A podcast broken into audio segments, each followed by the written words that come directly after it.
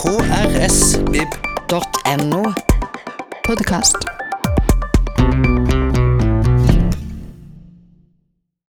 Drømmerne er en av fortellingene i syv fantastiske fortellinger, Karen Bliksens, eller skal vi si Isak Dinesens, debutbok.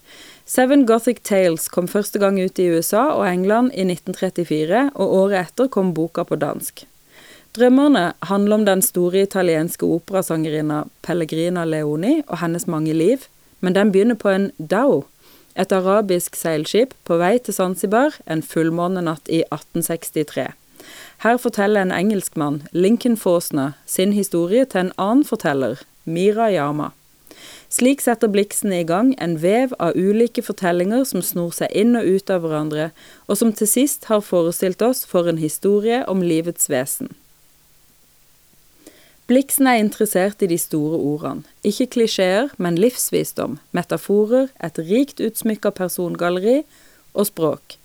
Mirayama er en skada forteller, og fordi han ikke lenger kan fortelle de store historiene, tar briten Forsner over og forteller om hvorfor han er ute på denne reisa denne natta. Fortellinga hans bringer oss inn i en ny fortelling og en ny fortelling, og i enden av drømmerne har vi hørt fortellingene til ikke mindre enn seks personer som løper sammen i en høyere enhet. Pellegrina Leoni er intet mindre enn verdens største sangerinne og skjønnhet. Den gamle jøden som følger henne, Markus Kokosa, en styrtrik diamanthandler. Det er virkelig en fantastisk fortelling i ordets rette forstand. Men hvor ville Bliksen hen med dette? Hei og velkommen eh, til en ny sesong av eh, Klassikerklubben. Um, I dag så har jeg fått med Miriam Christensen, eh, forfatter og ansatt her ved Kristiansand eh, folkebibliotek. Og Irene Gressli Haugen, eh, avdelingsleder for Norsk Forfattersentrum Sørlandet, inn i studio. Velkommen. Takk. Takk. Det har altså vært første eh, klassikerklubb for året. Um, kan du fortelle litt om hva temaet var denne gangen? Denne gangen leste vi 'Drømmerne' av Karen Bliksen. Eh, Det er en av fortellingene i syv fantastiske fortellinger eh, som kom ut i 1934. Under tittelen 'Seven Gothic Tales', fordi Karen Bliksen ga den første gang ut på engelsk og ikke på dansk, som man kanskje skulle tro, siden Bliksen er dansk. Eh, og det kom en del folk på vårt første møte, hvis vi kan kalle det det, i Klassikerklubben. Noen hadde lest. Noen hadde ikke lest, men vi fikk i alle fall en veldig fin samtale, fordi det er veldig mange som har et forhold til Karen Bliksen. Mm. Selv om ikke man har lest veldig mye av henne, så eh, er hun en person eller en figur, eller hva man kan kalle det, som, som er kjent. Altså biografien hos henne er kjent. Ikke minst gjennom filmen 'Out of Africa' med Meryl Streep og Robert Redford. Ja, eller uh, Babettes gjestebud, som jo også er en nydelig film. Ja. Og en fin bok. En veldig fin bok. Fin, mm. lang novelle som også er ganske kjent, og som vi hadde på Klassikerklubben i fjor. Så dette er novelle nummer to vi leser av Bliksen. Mm. Du sier at du har brukt Bliksen tidligere. Hva er det som gjør at hun eh, egner seg spesielt godt til klassikerklubben, eller å diskutere og lese? Hun skriver jo eh, langnoveller, som jo er en, eh, et veldig greit format til et sånt til en sånn lesesirkel. Fordi man kan i en travel hverdag rekke å lese en langnovelle. Det er ikke en kjempetjukk roman. Og så skriver hun litt annerledes enn det vi er vant til å lese i moderne litteratur. Jeg syns det er eh, ganske forfriskende å lese en så annerledes fortellerstil. Føler at det, det åpner eh, litt opp for uh, å se på verden litt annerledes, rett og slett. Men hva er det som er annerledes med henne? Altså, hva, hva er det som skiller henne fra moderne litteratur som du sammenligner med? Altså, Blixen Bliksen skrev jo eh, og ga ut på en tid hvor eh, liksom Hemingway var jo den som fikk eh, nobelprisen. Eh, Det året man trodde Karen Bliksen skulle få den, så var det Hemingway som fikk den. Og han adresserte til og med Bliksen i en eller annen tale da, hvor han liksom nærmest unnskyldte seg for at han hadde fått prisen, og ikke hun. Um, sånn at og, og vi vet jo at Hemingway han er en mann av Kanskje ikke av få ord, men altså der er det på en måte mye Det er undertekst, og vi snakker alltid om dette her i isfjellet, og så er det bare toppen av isfjellet vi får lese, og resten må vi liksom tenke oss sjøl, og en del sånn eh, ja, skjulte betydninger på et eller annet vis, da. Eh, leseren er en sånn medskaper. Det kan vi kanskje ikke akkurat si om Karen Bliksen. Hun ville jo på en måte Altså, sosialrealismen ligger veldig langt ifra, og her er det mer eventyr, eh, fantasi, myter, sagn. Eh, Og hvis du ser Hvis du tenker på det Du, sa den blir gitt ut som Seven Gothic Tales. Hvis du tenker på gotikken, så er det, det er et eller annet med masse ornamenter og ja, Sånn som eh, en gotisk Beskrivelser. kirke, så sitter det en djevel der oppe og en engel der, og det er historier inni historier inni historier, og utbroderinger av eh, detaljer og Og så har Blixen et spesielt syn på livet. Uh, hun har en sånn blanding av en sånn tro på både på skjebnen, men også at man skaper sin egen skjebne. Og mange av fortellingene ligger litt sånn i, i, der, i det spenningsfeltet der, da. Og handler om mennesker som er på leiting etter eh, Hva skal man si, da? I, I drømmerne så er det jo en kvinneskikkelse som antar mange forskjellige former, eller mulige identiteter og liv, da. Eh, Den store operasangerinna Pellegrina Leoni mister stemmen sin i en brann, og etter det så lever hun ut livet i mange potensielle identiteter hun kunne ha hatt, på en måte, da. Og får da flere forskjellige menn som blir forelska i henne på forskjellige steder og tider, og som følger etter henne, og som jo blir hos sin skjebne og død, kan vi vel si til slutt. så det, det er jo veldig sånn Ja, det er som Irene sier, veldig ornamentert, og altså disse gotiske fortellingene. eh, store følelser. I, Hos Hemingway, da, for eksempel, så er det jo ikke det, er- Altså, de store følelsene er ikke utbrodert, da, eh, på den måten. Så, så Blixen var en veldig eh, egen eh, type skikkelse og forfatter for sin tid. Eh, hun eh, Hvilken, hvilken tid snakker vi da? Altså Når var det hun var aktiv? Ja, altså Den første boka kom jo i 1934, jo, som er mellomkrigstida, ikke sant? hvor folk var eh, altså Man kaller jo den mellomkrigstidsgenerasjonen for the lost generation. Altså den uskylden man tapte i første verdenskrig, ikke sant? og som da leder videre mot andre verdenskrig. Hvor det blir eh, en del eh, altså motstands... Altså på en måte en sosial, mer sosial eh, litteratur, da. Mens Blixen er i det kunstferdige. Altså Hun er ikke opptatt av samtida si, av her og nå. Og jeg tror kanskje det var derfor også man ikke ga henne den nobelprisen, for man opplevde at det hun holdt på med, kanskje ikke var relevant på den tida. Altså 40-, 50-, 60-, 70-tallet. Da var det jo kvinnekamp og kvinnefrigjøring og Altså det var liksom ikke sånne gamle damer som drakk champagne og spiste østers som eh, regjerte på kulturscenen, for å si det sånn. og det gjorde jo Blixen. Det var liksom den dietten hun hadde på slutten av livet sitt. Levd på champagne? Det, Ja, ja. Så hun, hun er liksom en skikkelse litt sånn utenfor tiden, utenfor sted, utenfor eh, hun, hun skriver også om Altså handlinga er ofte lagt til 100 år tidligere, liksom. Så at hun plasserer seg sjøl og fortellingene sine i et mer sånn en mytisk eh, kontekst, da. Og alt hun skriver, er kanskje ikke like klart og tydelig. Og jeg syns det var så deilig. I den 'Drømmerne' så skriver hun det er ikke noe dårlig trekk ved en fortelling at du bare forstår halvparten. Og det er litt sånn det er en litt trøst for leseren nå, når du liksom Hva i all verden er dette her? Og så, så har jeg sagt det er helt greit. Ja, og det er en del sånne sitatverdige passasjer hos henne. Og det, man driver liksom ikke og siterer fra noveller av Hemingway eh, støtt og stadig. Eh, Nei. For det, for det er ikke sånne eh, ord og uttrykk der, på en måte. Mens Blixen er full av tanker og, og sånne formulerte passasjer om skjebnen, livet, døden. Eh, Ja. Drømmer er veloppdragne menneskers selvmord. Ja, for eksempel. ja, så det Hun, hun liksom eh, spiller på noe sånn fortidig, da. Jeg syns hun passer perfekt i en klassikerklubb. For at når man tenker på klassikere, så tenker man ofte på liksom, den forgangne tid.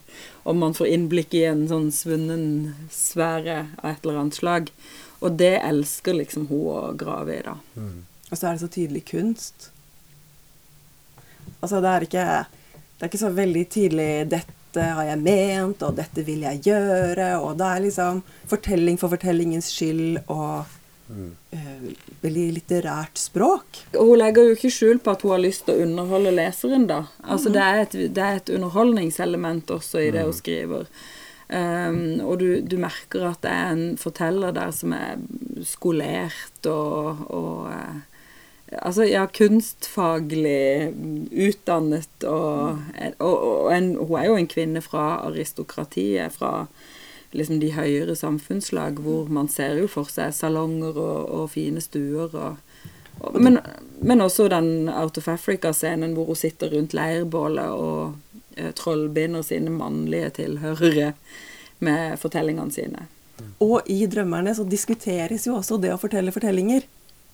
Det syns jeg er, eh, er, gøy å lese. Så mm. det er en forteller og en tilhører, hvor fortelleren forteller historien, og så sier tilhørerne men du har fortalt den bedre før. Og de diskuterer liksom hvordan er en god fortelling. Og det syns jeg er interessant at hun gjør innenfor sin egen fortelling. Skikkelig meta-element, liksom. ja. Det tar tid.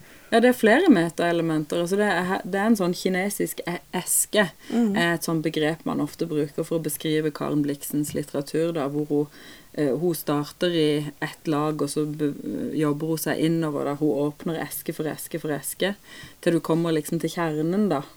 Og da, da når du kommer dit, så vet du på en måte hvilke esker du har åpna underveis. Mm. Så det er en klar instruksjon til leseren om at du er med på en sånn eh, eskeåpning, da, kan man si.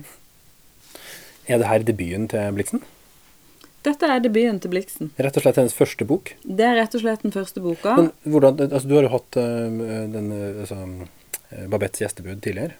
Og det er jo en som kommer senere i forfatterskapet. Av, kan du si noe om hvordan har linjene i det forfatterskapet arta seg? Altså, det er vel to linjer i eh, Karen Bliksens forfatterskap, og det er disse fortellingene. De er vel egentlig nokså Jeg har ikke merka noe stor forskjell, syns jeg sjøl, fra eh, liksom Babettes gjestebud er vel skrevet noe seinere, og til disse her. De, de er liksom nokså på lik fra det samme stedet, kan man si, da. Mens den andre linja i forfatterskapet er jo erindringslitteraturen, som jo eh, begynner med Den afrikanske farm fra 1937. Altså den bok nummer to, egentlig, da. Uh, og den har jo blitt betegna som det største erindringsverket i nordisk litteratur, rett og slett. Mm. Så der var hun tidlig ute med en veldig personlig stemme.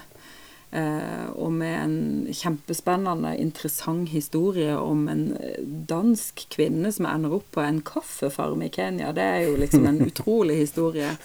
Så hun, hun visste liksom å iscenesette seg sjøl også, da. Mens hun er jo veldig ærlig i Den afrikanske farm. Eh, hun forteller om alle opp- og nedturer og Jeg tror jo at etter Når hun kom tilbake til Danmark etter å ha bodd i Kenya, så um, så hun jo tilbake på livet sitt, og det var fullt av tragedier, ikke sant? Så jeg tror at det da var Jeg tror Pellegrina Leoni i 'Drømmerne', altså denne operasangerinna som gjenskaper seg sjøl med flere identiteter, det tror jeg da er Karen Bliksen sjøl. Jeg tror den er veldig selvbiografisk, mm. den eh, novella. Eh, så, så det, hun har liksom forskjellige stemmer i, for, i forfatterskapet sitt, alt etter hvilken sjanger hun er i, da men allerede gjenkjennbar forfatterstemme fra første stund, det er jo ganske Er det uvanlig? Altså, jeg har inntrykk av at mange av de store utvikler seg veldig i løpet av forfatterskapet, at det blir enda på noe sånn helt annet. Uh, jeg tror Karin Bliksen brukte veldig mye av livet sitt før hun ga ut den uh, Seven Gothic Tales. Så, så for, hun, brukte, altså hun fortalte i praksis. Altså, hun, hun, øvde seg jo på en måte opp til å skrive den første boka. Og hun, et eller annet sted så leste jeg at hun gikk jo og fortalte disse fortellingene for seg sjøl veldig mye og grundig og lenge, før hun faktisk skrev de ned. Så det er jo en blanding av sånn muntlig og veldig språklig og stilistisk gjort, dette her. Det er sånne kunstferdige stykker eh, som, som, er lagd av en kvinne som eh, hun, var vok hun var jo voksen, godt voksen, når hun skrev dette her, og hadde bakgrunn fra Kunstakademiet i, i Danmark. Hun hadde vært kaffefarmer Altså masse livserfaring, kan man si. Så det er ikke en sånn ung kvinne som liksom begynner helt sånn fra scratch. Hun er allerede veldig mye før hun begynner å skrive den første boka si. Jeg kan vel kanskje si at hun har funnet sin stemme før hun debuterer som forfatter. Ja, og det er i høyeste grad en, en muntlig stemme også, ikke sant. Karen Bliksen fortalte for folk før hun skrev det ned, ikke sant. Og hun inntok jo også en sånn forfatterpersonlighet, ikke sant. Altså hun Du kan jo se sånne kjempegøye TV-intervjuer, hun ble jo stor i USA først. Det var jo der denne sjangeren gikk hjem. Det var jo ikke i Europa eller i Danmark, sant. Så det var jo liksom den amerikanske debuten som var utgangspunktet for forfatterkarrieren. Og hun sitter på sånne svart-hvitt Det var jo 60-tallet, og røyker på TV. For da, du kunne røyke i TV-studio på 60-tallet. Helt fantastisk. Og sitter og røyker og er en sånn grand old lady og, og snakker om eh, litteraturen sin. Så hun, hun er liksom Det hadde ikke vært noe vits for hun å være forfatter hvis hun ikke var fetert fra første stund, liksom, tenker jeg. Så hun er en veldig gøy person og um, både se på, høre på og lese, vil jeg si. Det er entertainment på en måte i alle ledd. Og så en kjempetragisk historie i bånn. Var det noen som var med som hadde noen interessante perspektiver kommet med som dere ikke hadde tenkt på sjøl, kanskje? Det er jo alltid noen som har tenkt noe annet enn man har tenkt selv når man leser en bok. Det er det jo. Det er jo det som gjør det interessant med å ha en sånn klassikerklubb, at man kan møtes og utveksle tanker og fortelle hvilken, hvilket perspektiv en selv leste, og hvordan en så det sånn. Det var ikke, vi fikk jo ikke en sånn voldsom diskusjon med uenighet, men det var mer sånne små, små bevegelser da, i tankene. Og så er det en ganske lang novelle med mye detaljer, sånn at eh, folk har jo hengt seg opp i, eller hva man skal si, litt forskjellige ting, da. Eh, men det er veldig gøy å, å være mange som leser sammen, eh, særlig en sånn type tekst som dette, fordi Um, da, da blir lesinga mer komplett, liksom, når man har snakka seg gjennom den. Det er mange ting å oppdage i ettertid. Jeg for eksempel hang meg jo forferdelig opp i et bilde der som jeg går og tenker på mye. Men, øh, og det er det derre øh, kaffebildet, kaffetrebildet, som jeg syns er så fantastisk. Som, som, jeg på en eller annen måte syns at det sier så mye om livet, uten at jeg helt vet hva det er det sier. Det er fortelleren og lytteren som sitter og prater, og så sier uh, Mira, da Vet du, Tembo, sa Mira med ett efter en pause, at hvis du, når du planter et kaffetre, bøyer peleroten, så vil treet om en kort tid sende ut en mengde fine små røtter tett ved overflaten. Det treet kommer aldri til å trives eller bære frukt, men det blomstrer rikere enn de andre. De små røttene er treets drømmer. Når det sender dem ut, behøver de ikke lenger å tenke på den bøyde peleroten. Det holder seg i live ved hjelp av dem en kort tid, ikke lenge. Eller en kan også si at det dør ved hjelp av dem, for det å drømme, det er i virkeligheten veloppdragne menneskers form for selvmord. Jeg syns det er så fint! Ja, det er det. Det er så sykt fint, men jeg vet ikke helt hva det betyr. Nei, Og så det, trøster jeg meg da med den setningen som hun sier at, eh, som han skriver senere, at det er ikke noe dårlig trekk ved en historie at du bare forstår halvparten. Nettopp. Ja, og det, det er liksom fullt av dette hele veien. Ja. Det er det som er veldig Mm. gøy, da. Så man stopper litt opp underveis i lesinga og Veldig sånn blom, blomstrende språk som du kan tolke på mange måter. Det, er Ja. det er kanskje nettopp derfor det egner seg for klassikerklubb, eller for diskusjon. Ja, For her er skriver hun jo et utrolig vakkert bilde. Mm. Og så er det, det, det er som å møte en sånn gammel, mystisk dame, liksom, som, Mm. som sitter litt sånn hvitkledd med en turban i et hjørne og kommer med noe sånn derre helt ut av det blå.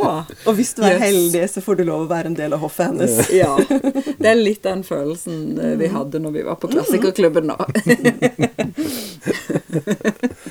Og litt den personen hun dyrka, kan du si, kanskje. Mm. Privat, eller ja. Og hun dyrka den nok eh, veldig offentlig også. Gjødsla veldig, den Å, ja. personen. Og alt er regissert altså ned til Hun er jo også gravlagt på, eh, på, sitt, på sin egen eiendom under et vakkert tre. Eh, altså på en måte alt med den historien er sånn perfekt for en eh, biografi eller en film eller eh, ja, hva som helst. Hun er liksom gøy, Karen Blixen. Uansett hvordan du snur og vender på det. Så er det gøy å, mø å møte henne, kan man si. Hun kommer til å komme tilbake i klassikerklubb senere, da, kanskje. Ja. Jeg kommer i alle fall tilbake til henne med jevne mellomrom i min egen lesing. Så plutselig så kommer jeg over Bliksen i hylla igjen, og så er det sånn Å ja. Ja, det er gøy. Hun drev til og med og lagde utrolig fantastiske blomsteroppsatser. Altså, hun gjorde så mange eh, rare, snåle ting. Ja, det er veldig fint. Du vet jo så mye om henne som eh, person. Jeg leser jo ikke tekstene hennes eh, så mye med liksom det bildet av henne som forfatter. Så jeg blir liksom fascinert når du sitter og forteller om henne. Det er jo kanskje et interessant trekk med enkelte forfattere at de blir større enn sin egen tekst. da. At uh, du, altså, du beskriver Bliksen som den fargerike dama. Altså, det, det trenger på en måte inn i teksten hele tida. Du klarer ikke å lese det, Miriam, uten at du ser for deg på en måte hun, eller at du, du, du ser for deg hun forteller det.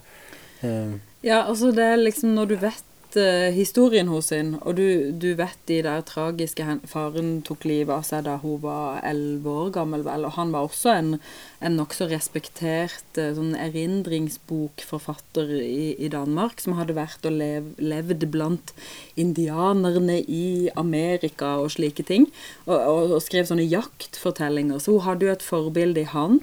Eh, Så gifter hun seg da med broren til han hun egentlig var forelska i. For han endte opp med å gifte seg med en annen, så hun giftet seg med hans bror og ble baronesse gjennom å gifte seg med han, en svensk baron. Eh, bror Bliksen. Som hun da drar til Kenya sammen med, ikke sant, og driver denne kaffefarmen. Eh, ruinerte jo både hun og hos sin familie, og han Bliksen, han bare ga blaffen i alt. Så han påførte jo hun eh, syfilis, hun kunne ikke få barn. Eh, og så møter hun denne engelske piloten som eh, blir den store kjærligheten. Men han dør jo så klart i et flykrasj, i en flystyrt, over det afrikanske eh, steppelandet, eller i ørkenen, eller et eller annet sted. Sånn at det, det, hele det livet der er bare helt sånn proppa. Og hvis du vet alle de tingene der, så leser du jo de fortellingene i, med et helt annet blikk, altså, rett og slett. Så når forfatteren døde en eller annen gang på 60-tallet, i, sånn litteraturteoretisk sammenheng, så der passer ikke Bliksen inn, på en måte. Eh, Du kan lese alt du har skrevet helt uten å tenke på biografien, men hvis du først har hørt historien hos henne, så, så ligger det litt sånn og vaker i overflata. Mm, Men det blir ikke noe dårligere av å ikke kjenne biografien så godt, for jeg kjenner henne litt, liksom. Men jeg, for meg så siver ikke det så veldig mye inn når jeg leser. Jeg blir så oppslukt av de personene som er der, inni fortellingene. Av den kokken i Babette Gjestes gjestebud, eller av disse karakterene i Drømmerne. At eh, for meg så blir ikke hun så present, men jeg blir veldig fascinert av å høre deg snakke om henne. Det blir jeg. Altså Noe av det som jeg syns er fascinerende, er en, eh, en forfatter hun, hun, hun representerer jo en forfatter med stor F på mange måter. Og noe av det hun har ved seg, da, er dette her utenforskapet som hun har i alle sammenhenger gjennom hele livet sitt. Og det utenforskapet gir også en veldig god mulighet til å være en forteller av gode historier til de andre, og til å se de historiene som de andre ikke ser, da. Ja, for vi får bare lov å sette henne i den båsen hun selv har bestemt. Ja, Vi kan ikke sette henne i bås med noen andre. Hun får sin helt egen bås. Hun definerer sjøl Ja. reglene. Hun definerer alt. Hvordan vi skal se på livet hos sitt, hvordan vi skal lese historiene hos sine. Og den autoriteten kommer jo fra et sted. Den kommer jo fra en erfaring av tap. Og å møte livet på det svarteste, tenker jeg. Og det syns jeg er interessant å på en måte ta imot historier fra, en sånn, fra et sånt ståsted. Høres jo ut til å være nesten larger than life. ikke sant? Altså at eh, Et liv som kunne vært en film, som antagelig er en film. Eh, Det er jo i alle fall den ene Afrika-filmen eh, til nå. Men noen burde jo definitivt lage den historien på film om hele livet til Bliksen, egentlig. Ja, det kan vi jo ha som en oppfordring. Sende ut i rymden en oppfordring. Vi vil se biopicen om Blixen, ass. Snart. Men det var eh, den eh, klassikerklubben som har vært så langt i, nå i vår.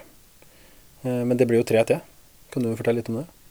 Det blir tre til i samarbeid med Irene og Forfattersentrum her på Kunsten og litteraturens hus.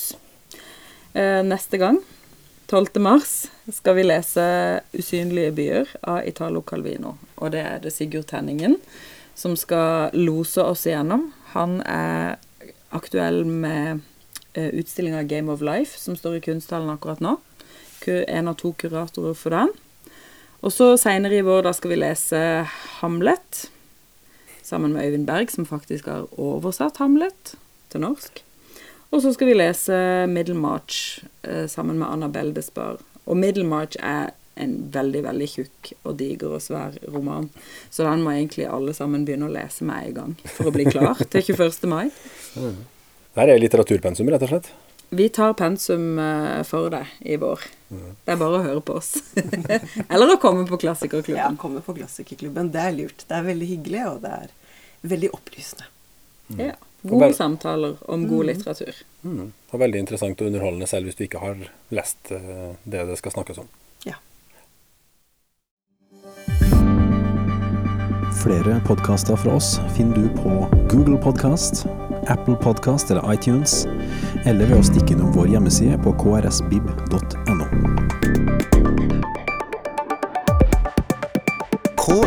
krsbib.no.